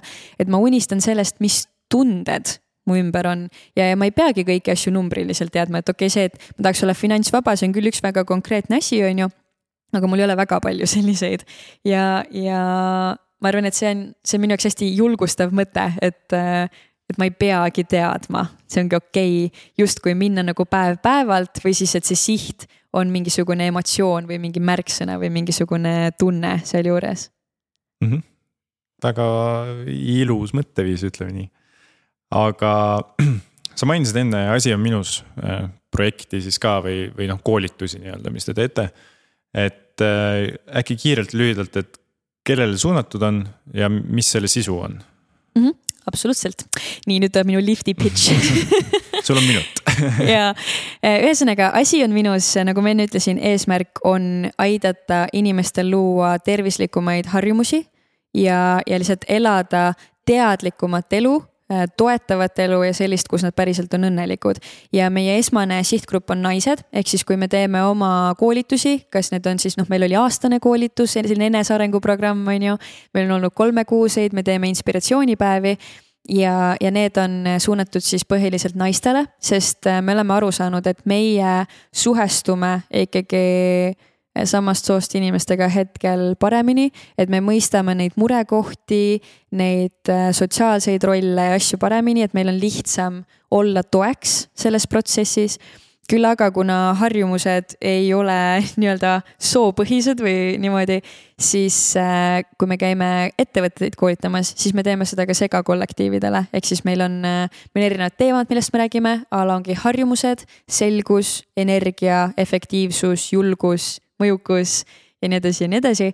et äh, nendes programmides, mida me siis ise teeme ja kui me käime ettevõtetel, siis need on need teemad, mida me nagu läbivalt arutame ehk siis asjad natukene, mida igaüks saaks muuta oma päevas või elus. ja just tegelikult. see, et kuidas nagu. laiad teemad justkui tegelikult ja et siin on tegelikult nii palju väikeseid asju, mida me saame oma elus muuta, aga ongi see minu jaoks see selgus on üks, ma arvan, mu lemmikteemasid, sest kuhu, kuidas me saame elada seda ägedat särtsakat elu, kui me ei tea, mis see on tegelikult ei saa, et me peame välja mõtlema, et mis see minu jaoks on, et mi, mi, mis on see, mida mina teha tahan, mitte see, mida sotsiaalmeedias keegi on jaganud või mida mu lähedased teevad või mingisugused äh, superstaarid kuskil kaugel maailmas on ju, aga mida päriselt mina tahan, see ei pruugi olla sama. võib-olla see ongi, et ma tahan olla kodune, võib-olla see on see, et ma tahan olla kunstnik, võib-olla see ongi see, et ma tahan olla kuulus ja teha ägedaid asju, võib-olla ma tahan teha teadust, mis iganes see on, on ju, et lihtsalt mõelda enda jaoks läbi, miks ma seda tahan ja mis see üldse on. ja samamoodi see, et kui meil ei ole energiat, vaimset, füüsilist ja emotsionaalset energiat, siis meil on väga raske hakata seda selgust looma. et kui ma olen lihtsalt voodis pikali ja tunnen, et ah, ma ei jaksa midagi, siis ma ei hakkagi enda kallal tegutsema, siis ma ei suudagi mõelda nendele asjadele. ja, ja samamoodi vastupidi, et et äh, kui, kui ma ei tea, mida ma tahan, siis võib-olla on ka see, et ah, ma ei oskagi kuskilt alustada ja siis see omakorda võtab energiat ära. et need on kõik nii omavahel seotud teemad ja samamoodi, et okei okay,, nüüd ma olen selle selguse loonud, mul on energiat, kuidas ma saan tõnda, tõsta enda efektiivsust, et ma suudaksin äh, siis tõhusamalt neid asju teha või teha ära kiiremini need asjad, millega ma noh, nii väga ei taha tegeleda või mingid tööülesanded selleks, et ma saaks inimestega rohkem aega veeta, et need on kõik ütlen, siuksed tööriistad, mida lihtsalt oma ellu rakendada selleks, et äh, paremini elada. ja, ja meie oma kursustel kasutame Brendan Burchardi äh, instituudi materjale põhiliselt, et me toetume tema programmile. ta on üks äh, USA coach, kes on, tal on oma instituut, kus nad on üle kahekümne viie aasta vist juba varsti teinud uuringuid päriselt, et mida teevad nii-öelda high performing või sellised äh, ambitsioonikad, kõrgelt lendavad ja, ja enda eluga õnnelikud ja rahulolevad inimesed. et mis on need asjad, mida nad teevad ja nende alustel on need siis, need siis põhiteemad ja asjad kokku pandud mm. -hmm. aga teil on ka ju tegelikult nüüd tekkinud, ma ei tea, mis perioodiga, paari aastaga äkki, on ju tekkinud päris suur kogukond, et äh, või jälgijaskond ka samamoodi, et ühed on need, kes käivad, teised need, kes jälgivad võib-olla salaja, on ju et eh, kas teiste juhendamine või neile natuke selline õpetussõnade andmine eh, endale pinget ei pane, et kui see nagu välja ei tule inimesel või et siis, et siis sina oled süüdi selles? see on eh, suht, ma arvan, kõikide, ma ei tea, kas õpetajate, mentorite, arengutreenerite nagu selline enda distantseerimine et sa pead lõppude lõpuks ikkagi aru saama, et ainult sinust ei sõltu selle inimese tulemus et kui ma räägin noh, arengutreenerlusest üldiselt, siis coaching'u alustala tegelikult on see, et sa oled suunaja. et sa oled see inimene, kes oma küsimuste ja mõtetega toetab seda inimest, et sa tead, et sinu nii-öelda koostööpartneril või kliendil on tegelikult, tema sees on kõik vastused olemas, tegelikult ta teab, nagu ma olen siiralt seda usku, et absoluutselt kõik inimesed tegelikult teavad kuskil sügaval sisimas. võib-olla nad ei ole veel seda vastust leidnud, võib-olla ei ole veel õige aeg olnud, võib-olla nad ei ole julgenud seda tunnistada endale, aga tegelikult me teame, on ju. ja, ja arengutreeneri roll ongi see, et äh, ma küsin neid õigeid küsimusi, ma panen ta mõtlema selles suunas, ma aitan tal peegeldada erinevatest nii-öelda siis äh, vaatepunktidest neid küsimusi, et ta ise hakkaks mõtlema ja, ja nii-öelda loon selle turvalise ruumi, et ta saab endaga tegeleda. et see on ju tegelikult see lõppeesmärk. ja, ja muidugi selles mõttes minul kui siis noh, toetajal ja, ja teenusepakkujal on mingisugune vastutus või mingisugune roll, et, et mida parim, mida mina teha saan, on see, et ma olen kohal ma olen tähelepanuga kohal, ma hoolin sellest inimesest ja ma annan talle nagu kõik, mida ma oskan anda iseendast, et ma küsin täpselt nii, nagu ma tahaks, et minult küsitaks on ju. ja, aga samal ajal jälle see enda distantseerimine, et tegelikult selle töö see inimene peab ise ära tegema. et sageli, miks me ei hakka oma elus muutuseid looma või miks me ei hakka endaga tegelema, on see, et me kardame seda tööd, et ah, see on veits pime, mis seal välja paistab, see on veits hirmutav, ma täpselt ei tea, kuidas keegi see käib. võiks ette ära teha selle. on ju, mega lihtne oleks, on ju aga et, et me peame päriselt ise tegema hakkama, et see võtab ju aega ja vahel see võtab raha ja, ja mingid asjad hakkavad muutuma oma elus, võib-olla ma pean loobuma millestki, on ju. et, et see on, see on see teadmatus seal tulevikus, selles noh, selles ilusas tulevikus, mida, mida me näeme, aga jah, et, et inimesed ikkagi vastutavad ise, täiskasvanud inimesed oma ja, elu eest. ma arvan, et võib-olla lause on see, et kas, kas keegi teine saab minu eest õnnelik olla ei mm. saa, et noh, kui ma saan ainult ise olla, siis järelikult ma pean iseendaga tööd tegema, mitte see, et coach on kõrval õnnelik või paariline või mida iganes ja siis hakkan mina õnnelikuks äkki mm. -hmm. arvatavasti nii ei lähe. kuigi, kui te mõlemad olete õnnelikud, siis see täiendab yeah.. Äh, nii, aga teeme väikse killu äh,, väikse killu äh,, väikese nipinurga ka et äh, lühidalt, mul on paar sellist äh, küsimust, kui inimene küsiks su käest, kuidas sa vastaks mm? -hmm Äh, soovitus inimesele, kes soovib proovida uusi asju, kuid kellel on mingisugune hirm selle ees mm,?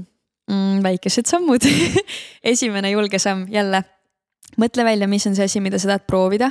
jälle loo enda jaoks see miks.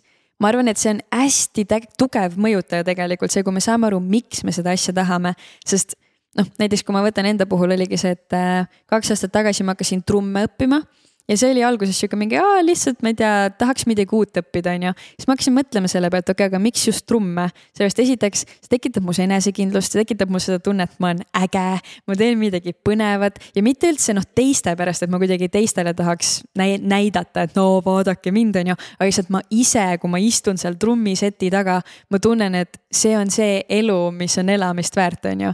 ja, ja samal ajal see on mingi uus hobi, see aitab mul maha laadida, see aitab mul stressi leevendada ja ja tegelikult sellest, et aa, lihtsalt tahaks midagi uut, sai mingi kuus-seitse punkti, on ju.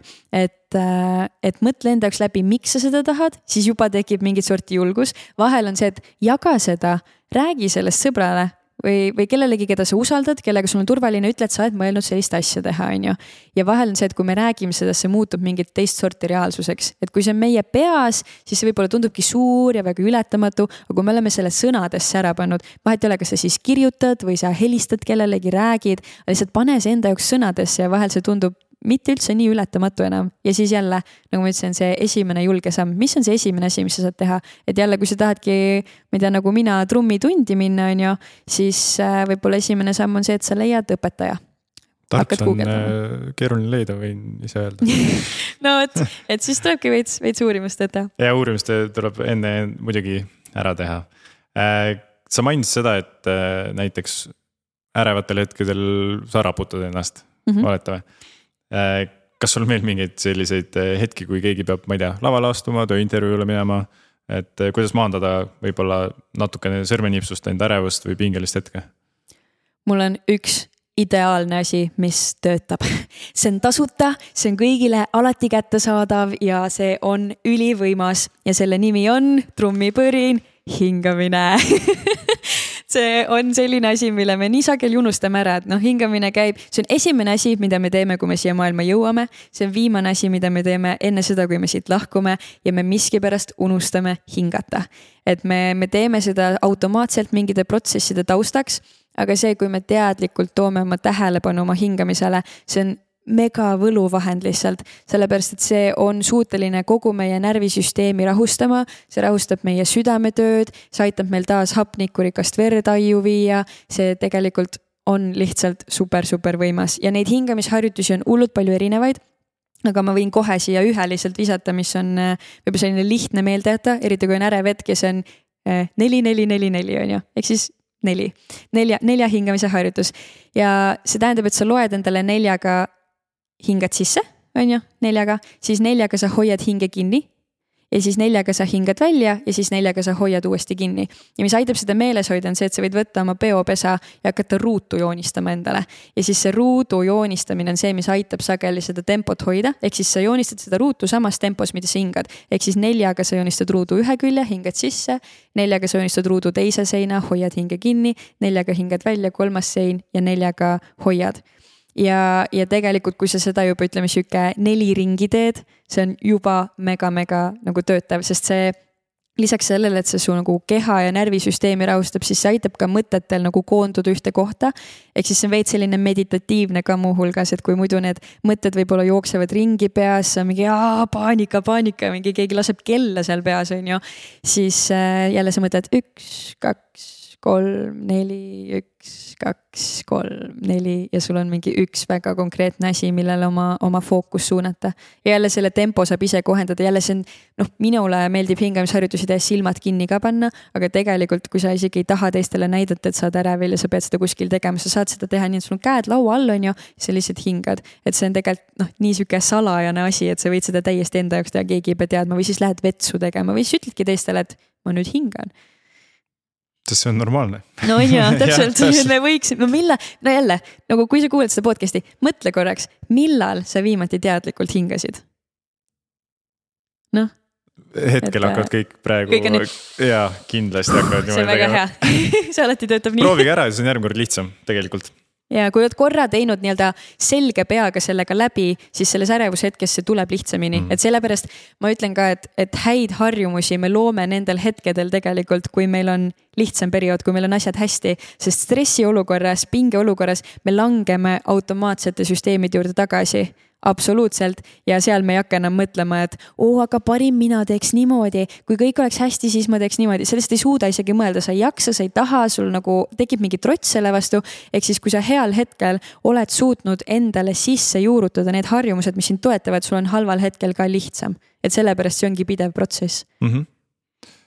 järgmine. Äh, sa rääkisid, sul on põhimõtteliselt aastaks on omad eesmärgid või äh, nii-öelda väljakutsed siis sul on iga kuu kellegagi peaaegu väljakutse, siis arvatavasti sul on ka igas päevas mõni uus hobi väljakutse. et eh, kuidas sa neid leiad või kuidas inimene saab oma mugavusest või rutiinist välja astuda, et nagu midagi uut proovida? kas sul on mõni nipp lihtsalt? no ma ütleks, et kui on see koht, kus nagu on see, et ah tahaks midagi proovida, aga no üldse ei tea, mida tahaks, siis äh, google.com new hobbies to try ja siis sul tuleb mingi BuzzFeedi postitus, kus on kaheksakümmend kaks asja, mida nüüd proovida.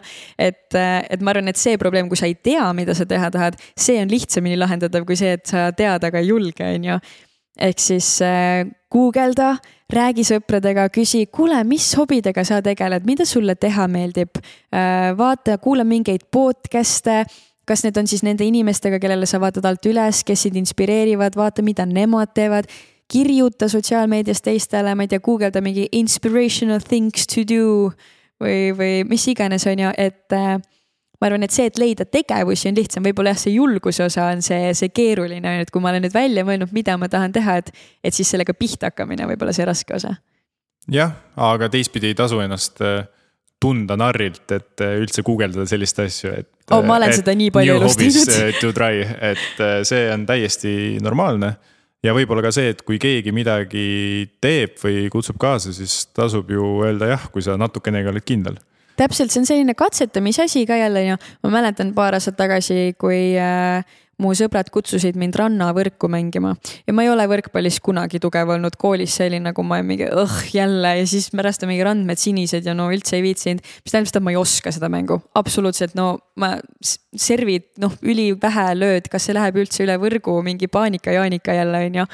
Ja siis nad kutsusid mind mängima ja nad on kõik siuksed, käivadki satsiga mängimas ja nii edasi. Ja ma olin ka mingi, et tead, ma ei tea. Ja siis lõpuks ma olin mingi, et okei okay, ma tulen, aga siis ma hoiatasin neid kõiki ette, ma mingi, ma ei ole kunagi teinud seda, see on mu esimene kord, palun olge minuga leebed.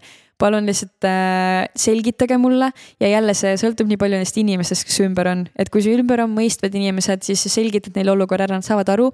üldiselt nad tahavad aidata, eriti kui nad on ise sind kutsunud. sa pead ikka eriti douchebag olema, kui sa kutsud kellegi midagi tegema ja siis paned talle puid selle eest, et ta ei oska, on ju. eriti kui ta on sulle öelnud, et kuule, see on mu esimene kord, et see on lihtsalt sorry, aga see on nagu nõme käitumine, et siis võite ausalt öelda neile, et kuule, Killu ütles mulle, et ma võin öelda, et sa oled nõme palun ära tee niimoodi aga üldiselt jah, et, et katsetada tasub lihtsalt proovida neid uusi asju, et jälle, mis on kõige hullem, mis saaks juhtuda tegelikult arvatavasti ei juhtugi midagi hullu. no just, on ju, ja kui poole peal saad aru, et no üldse ei meeldi, siis ütledki, kuulge, ma praegu tõmban kõrvale, et tänks, et kutsusite ja, ja see ikkagi ei ole minu teema ja võib-olla avastad midagi uut, et oh, see ongi asi, millega ma tahan oma aega nüüd veetma hakata ja samal ajal sul on kohe seltskond ka olemas, on ju. ja, et jällegi see arusaam, et tegelikult äh, ei on ka alati vastus ja kui sa saad ise aru, et see koht ei ole sulle, siis äh, kujuta ette, palju sa võib-olla aega kokku hoiad äh, tulevikus.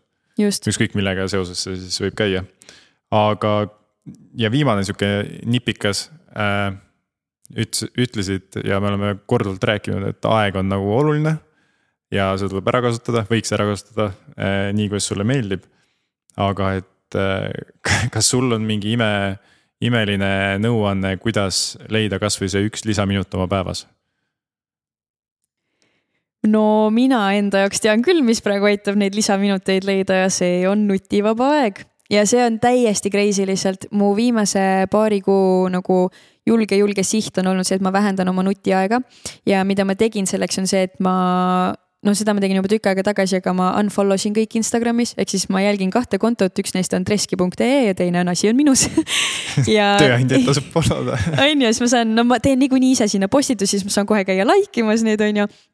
aga ühesõnaga, et ma tekitasin endale sellise tühja uudisvoo, et mul ei tule seda infot nii palju sisse, vaid kui ma võtan selle aja, siis ma lähen ise otsima. ehk siis mul on ikkagi mingid sõbrad, kelle sisu ma jälgin, aga niimoodi, et ma lähen teadlikult, et nüüd ma võtan selle aja, ma vaatan, mida ta postitanud on ja siis ma panen selle asja kinni, on ju.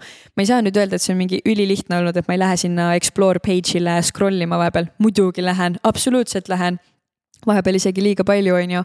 aga siis on veel mõned asjad, mida ma teinud, a la iPhone'i kaudu mul on ajalimiidid peal näiteks. kas need Insta... toimivad ka sul? kohe räägin, näiteks Instagramil mul on äh, tund aega Insta või seda iPhone'i ajalimiiti ja alguses mul oli ainult see ja siis ma sain aru, et see ei tööta ühel hetkel, sest see liigutus selle luku mahavõtmiseks on nii Liiga automaatne. see on lihtsalt see, et ma panen koodi sinna peale, aga see on lihtsalt see, et nagu see jääb kätte sisse, et ma panen mingi aa, ignore, siis paned see klõps, klõps, klõps, klõps ja jälle sul on see kõik seal, on ju. seega ma laadisin endale alla sellise rakenduse nagu Wellspent mis on äh, üks nagu siis äh, kolmanda osapoole nii-öelda blokeerija rakendus, ma kasutan seda hetkel ainult Instagrami peal, aga see on selles mõttes põnev, et äh, iga kord, kui ta annab selle teadaande, see teadaanne on erinev. eks ma sain aru, et minu jaoks nagu iPhone'i see nagu ei tööta, sest ta ongi identne, iga kord täpselt sama asi. aga Wellspentiga on see, et sa saad siis ise selle nii-öelda intervalli määrata, mul on näiteks see, et ta tuletab mulle iga viie minuti tagant meelde. ja, ja sa saad seal panna noh, kas see on kümme minutit või tund aega või kaks tundi, kui tihti ta sul seda meelde tuletab ja lisaks sa saad valida selle sõnumi tooni, mis tähendab seda, et sa saad panna, et kas ta nii-öelda on hullult vihane su peale, kas ta rageb su peale täiega, kas ta annab sulle mingisuguse info või mingi fakti, mis võiks sind aidata, kas ta on hästi sõbralik nagu mingi, kas sa oled mõelnud, et sa võiksid teha midagi muud või ta annab sulle mingi soovituse, mida sa võiksid teha, et sa saad ise valida, hästi palju kohandada seda ja selle niimoodi, et ühe rakenduse sa saad tasuta ära blokeerida ja siis teised on tasulised, aga ma kasutan ka ainult Instagrami peal seda praegu ja see on väga palju aidanud mind.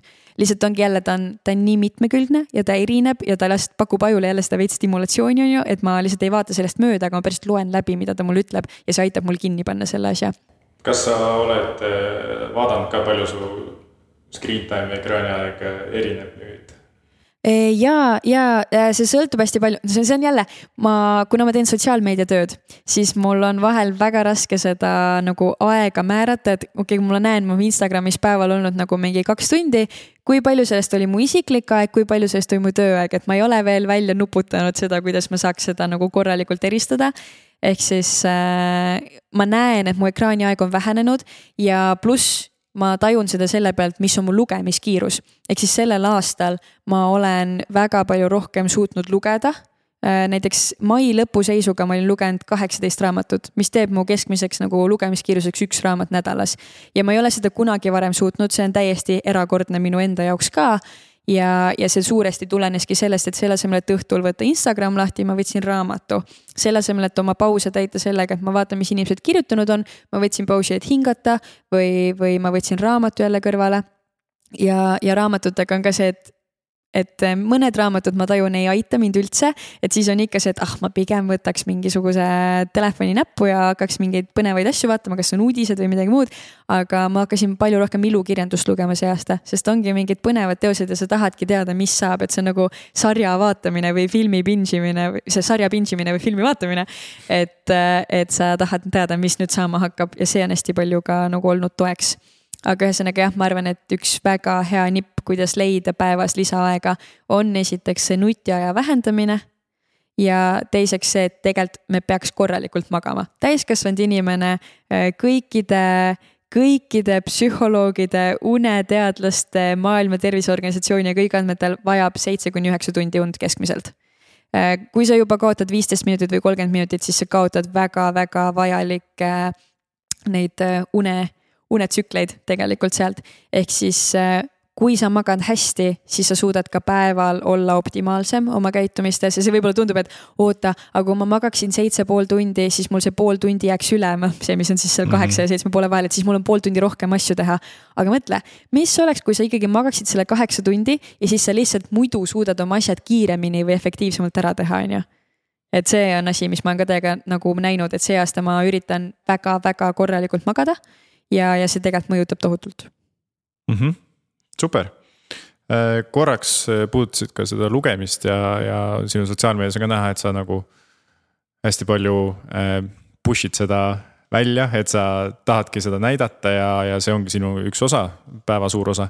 et kiirelt küsides kust sina leiad selle aja lugemiseks, et kas see on näiteks sinu hommikurutiin ka või, või siis see on see, et äh, õhtuse sotsiaalmeedia aja sa veedad lugedes või, või käib raamat sinuga niimoodi kaasas, et sa sõidad, oletame bussiga, et siis sul on juba väljas, loed viis lehekülge ja siis suudad selle uuesti kotti panna kõike seda. kõik seda no, sest nii, niimoodi need kaheksateist raamatut tulevad, on ju. ja, sest äh, näiteks äh, üks häkk, mis mul on, et äh, ma käin enamasti seljakotiga ringi ja mul on alati raamat kotis nagu kogu aeg, ma ei jäta seda üldiselt koju.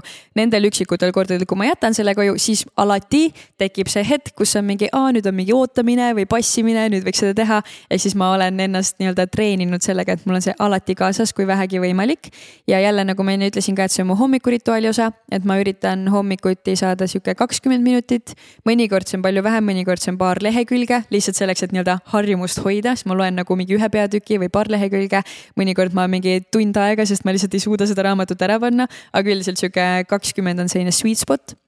ja just nagu sa ütlesid ka, et õhtul äh, nutivaba aja asemel, et kui ma kui ma hakkan nii-öelda maha laadima, et kella kümnest mul lähevad telefonis jälle kõik asjad lukku, et mõnikord ma küll noh, suvel eriti olen tegelikult kauem seal või teen hilisemal ajal, kas mingeid noh, kontserditel mingeid tööasju veel või midagi sellist. aga et ma püüan ka õhtuti lugeda, pluss siis jah, päevasel ajal, kui ma teen näiteks lõunapausi või kui ma sõidan rongiga või bussiga, et siis ma üritan ikkagi seda ka sisse võtta. mina näiteks audioraamatutega ei ole veel sina peale saanud. aga e-lugerid?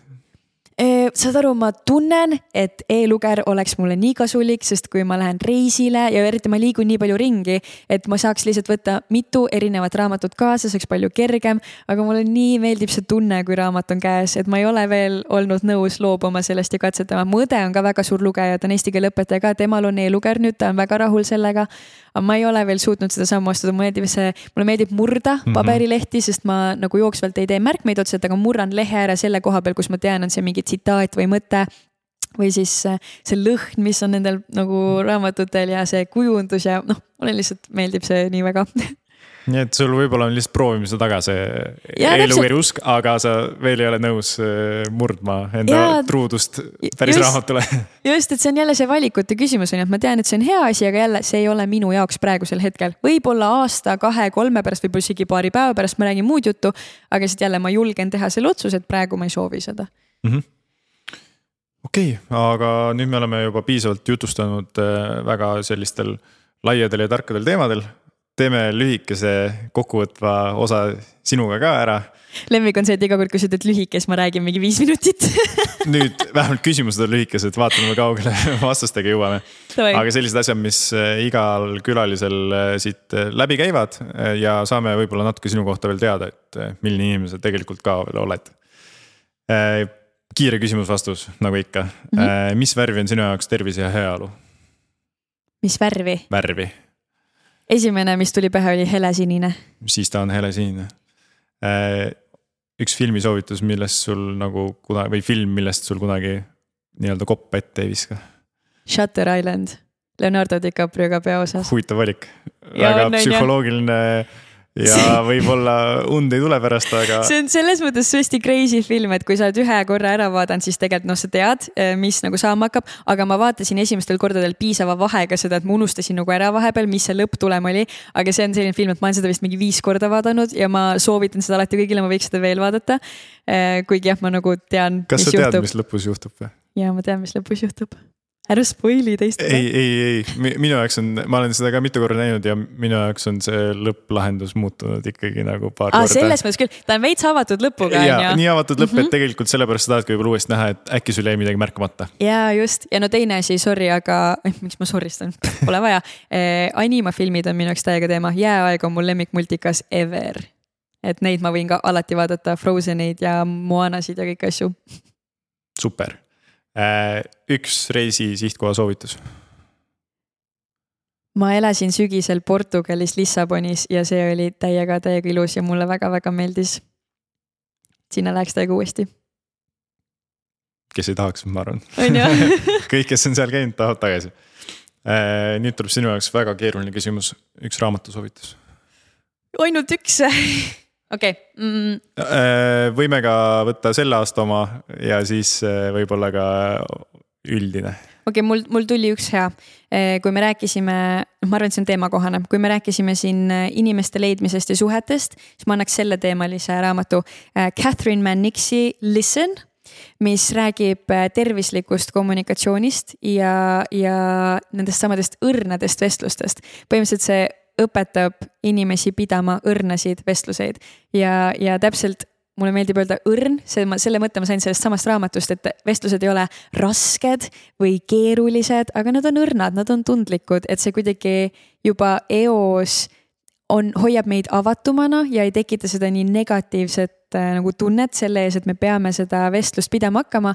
ja, ja see raamat on, selle raamatu on kirjutanud üks äh, psühholoog, kes ja arst, kes on äh, tegelenud inimestega, kelle elu on lõppemas, kes teavad, noh haiglas siis, kes teavad, et, et lõpp on lähedal ja kuidas suhelda nende perega kuidas suhelda nende patsientide endaga ja seal on hästi palju päriselulisi näiteid ja see on tõsiselt selline raamat, kus ma tegin tohutult palju märkmeid ja kust ma võtsin väga palju mõtteid kaasa, et seal on väga palju praktilisi näiteid ja lõpus ka mingid tabelid ja asjad on ju, et ta on üliüliasjalik raamat. super, mulle läheb kirja. sest inimesed võib-olla ei saa aru, kui oluline on äh, ise selles valdkonnas olles ka natukene ja õppides, et äh, kommunikatsioonil on nagu väga suur jõud mm -hmm. ja, ja võib-olla rohkem vahepeal kui päris praktilisel elulgi, et äh, sellest sõltub väga palju ja see, kuidas me asju nimetame, tegelikult ka see, mis sõnu me kasutame, jälle see, et kas see on raske vestlus või see on õrn vestlus, sa kohe tunnetad ära, et see on erinev, on ju, et see sõnavara, mida me kasutame, on hästi tähtis. just. Äh, kas äh, sõnum või kõne? kõne. meeldib kiirelt ja konkreetselt asjadest rääkida, väga õige. hommik või õhtu? hommik. miks? Ma ei tea, nii rasked küsimused. mulle sellised üks või teine küsimused alati hästi rasked minu jaoks, sest see sõltub nii palju kontekstist, ehk siis praegu ma lähtun hästi palju oma sisetundest lihtsalt, keha ütleb, et ütle seda ja ma ütlen. aga, aga hommikud on, hommikud on kuidagi erilised ja hommikud on endale ja võib-olla ma olen lihtsalt enda jaoks loonud hommikutele sellise sellise mõnusa mingi vibe'i, et ma tean, et see on täpselt see, mida ma tahan, et see oleks, seal on see värskus, seal on energia, seal on hea olek ja mingi uus võimalus, on ju. ja kuidagi see energia, et muidugi õhtud on ka megalahedad ja, ja õhtu võib olla kodune, kus sul on küünlad, hea muusika ja õhtu võib olla pidune, kus sa lähed kontserdile ja elad ennast välja ja õhtu võib olla väga lühike, kus sa jõuad kell üheksa voodisse ja võib olla väga hiline, kus sa maandud kell neli alles. et seal on võib-olla seda müstilisust ja salapära ja võimalusi rohkem, aga praegu tundeliselt, võib-olla lihtsalt sellel suvel mul on väga palju neid õhtuid olnud, et praegu ma ütleks hommik. ja ma arvan, et hommik on lihtsalt võib-olla äh, sihuke turvaline koht ka mm, -hmm. sest sa tead, mis seal juhtub, õhtu võib olla õhtu sõltub väga palju sellest, mis pärast hommikut saama hakkab, on ju. on ju. Kas äh, kohv või tee? tee, ma kohvi ei joo. milline tee? küsime otsa siis. piparmündi meega. parim. Teiega äh,. meri või mets? mets. muusika või vaikus? ossa raks ähm muusik oh,, oh,, kas ma võin kas, jääda kohe kas Jalmar peab kõrvad kinni panema ei, aga, aga vaata, see on selles mõttes keeruline, et ma arvan, et ilma muusikata ei hindaks me vaikust, ilma vaikuseta ei oskaks ma muusikat hinnata. selles mõttes, et minu elu on väga suuresti muusikaga seotud ja see on olnud lasteaiast peale väga aktuaalne osa, kas siis see, et ma olen ise muusikat teinud või et ma olen muusikutest ümbritsetud, et mu, ma töötan selles vallas, et ma olen kogu aeg mingitel kultuurisündmustel ja nii edasi aga samal ajal ongi see, et kui ma kõnnin sealt koju, siis ma ei taha uuesti klappe kõrva panna, vaid ma tahangi seedida seda, mida ma just kogesin, seedida seda, mis oli või, või nautida seda vaikust, et ma arvan, et ühte ei oleks teiseta mm. -hmm. väga, väga hea arutlus selle üle, sellepärast tõesti jah, vaikuses äh, sa naudid seda, mis oli muusikas ja võib-olla pärast on vastupidi, et mm -hmm. muusika tuleb tavaliselt pärast vaikust, on ju, ja siis sa naudid seda ka okei okay, ja nüüd äh, viimane siin voorus, et äh, mis on sinu järgmine tervislik samm või väljakutse, mis sa ette võtad, kuigi sul on neid nagu.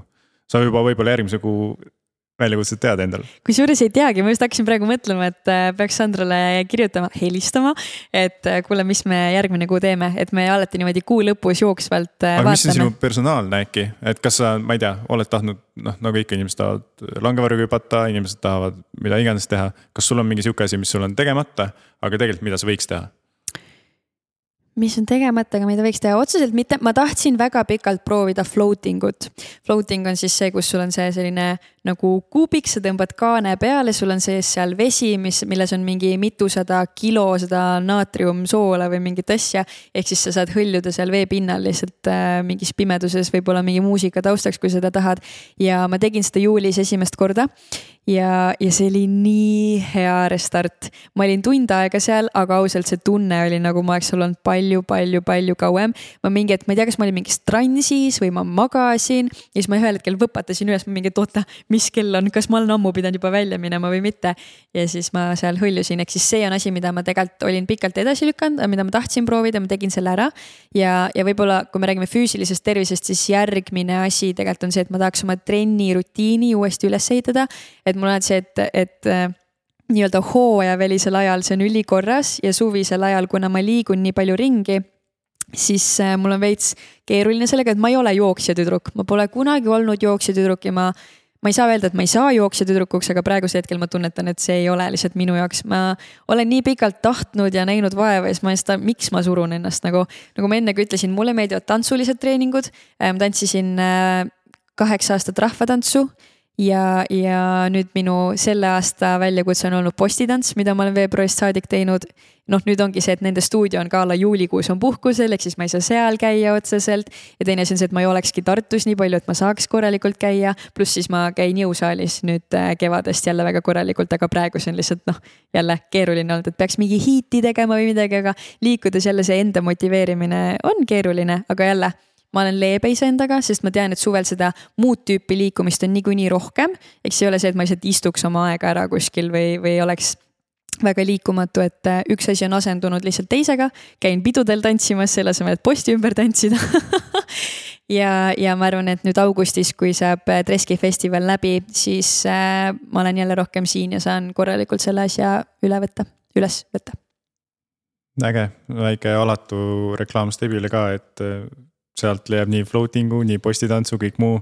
et kui kellelgi on mõtted otsas, mida ta võiks elus proovida, siis eh, minge vaadake näiteks. Google'i asemel hoopis Stebisse miks mitte, sellepärast et seal näeb kohe ära, mis sul kõrval hoones on võib-olla, mis üritused tulemas on äh, aktiivsed, et äh, ei pea ainult sportima, tegelikult on suppmatkad, on igasugu päikseloojang, päiksetõus äh,, noh, mine hulluks nii-öelda aa ah, ja suppi ma käisin ka sõitmas, suppmatkal käisin äh, eelmine nädal, see oli ka väga mõnus, selline hästi lihtne, aga samal ajal ikkagi selline veits füüsiline koormus ka. see on väga hea pohmakaravi, ma käisin kahe sõbrannaga, kes noh, me olime kõik peolt tulnud eelmisel päeval. minul oli väga hea olla, neil ei olnud nii väga, aga läks paremaks jah, see ei pane sind üliinimlikult äh, pingutama pärast yeah, rasket päeva. just äh,.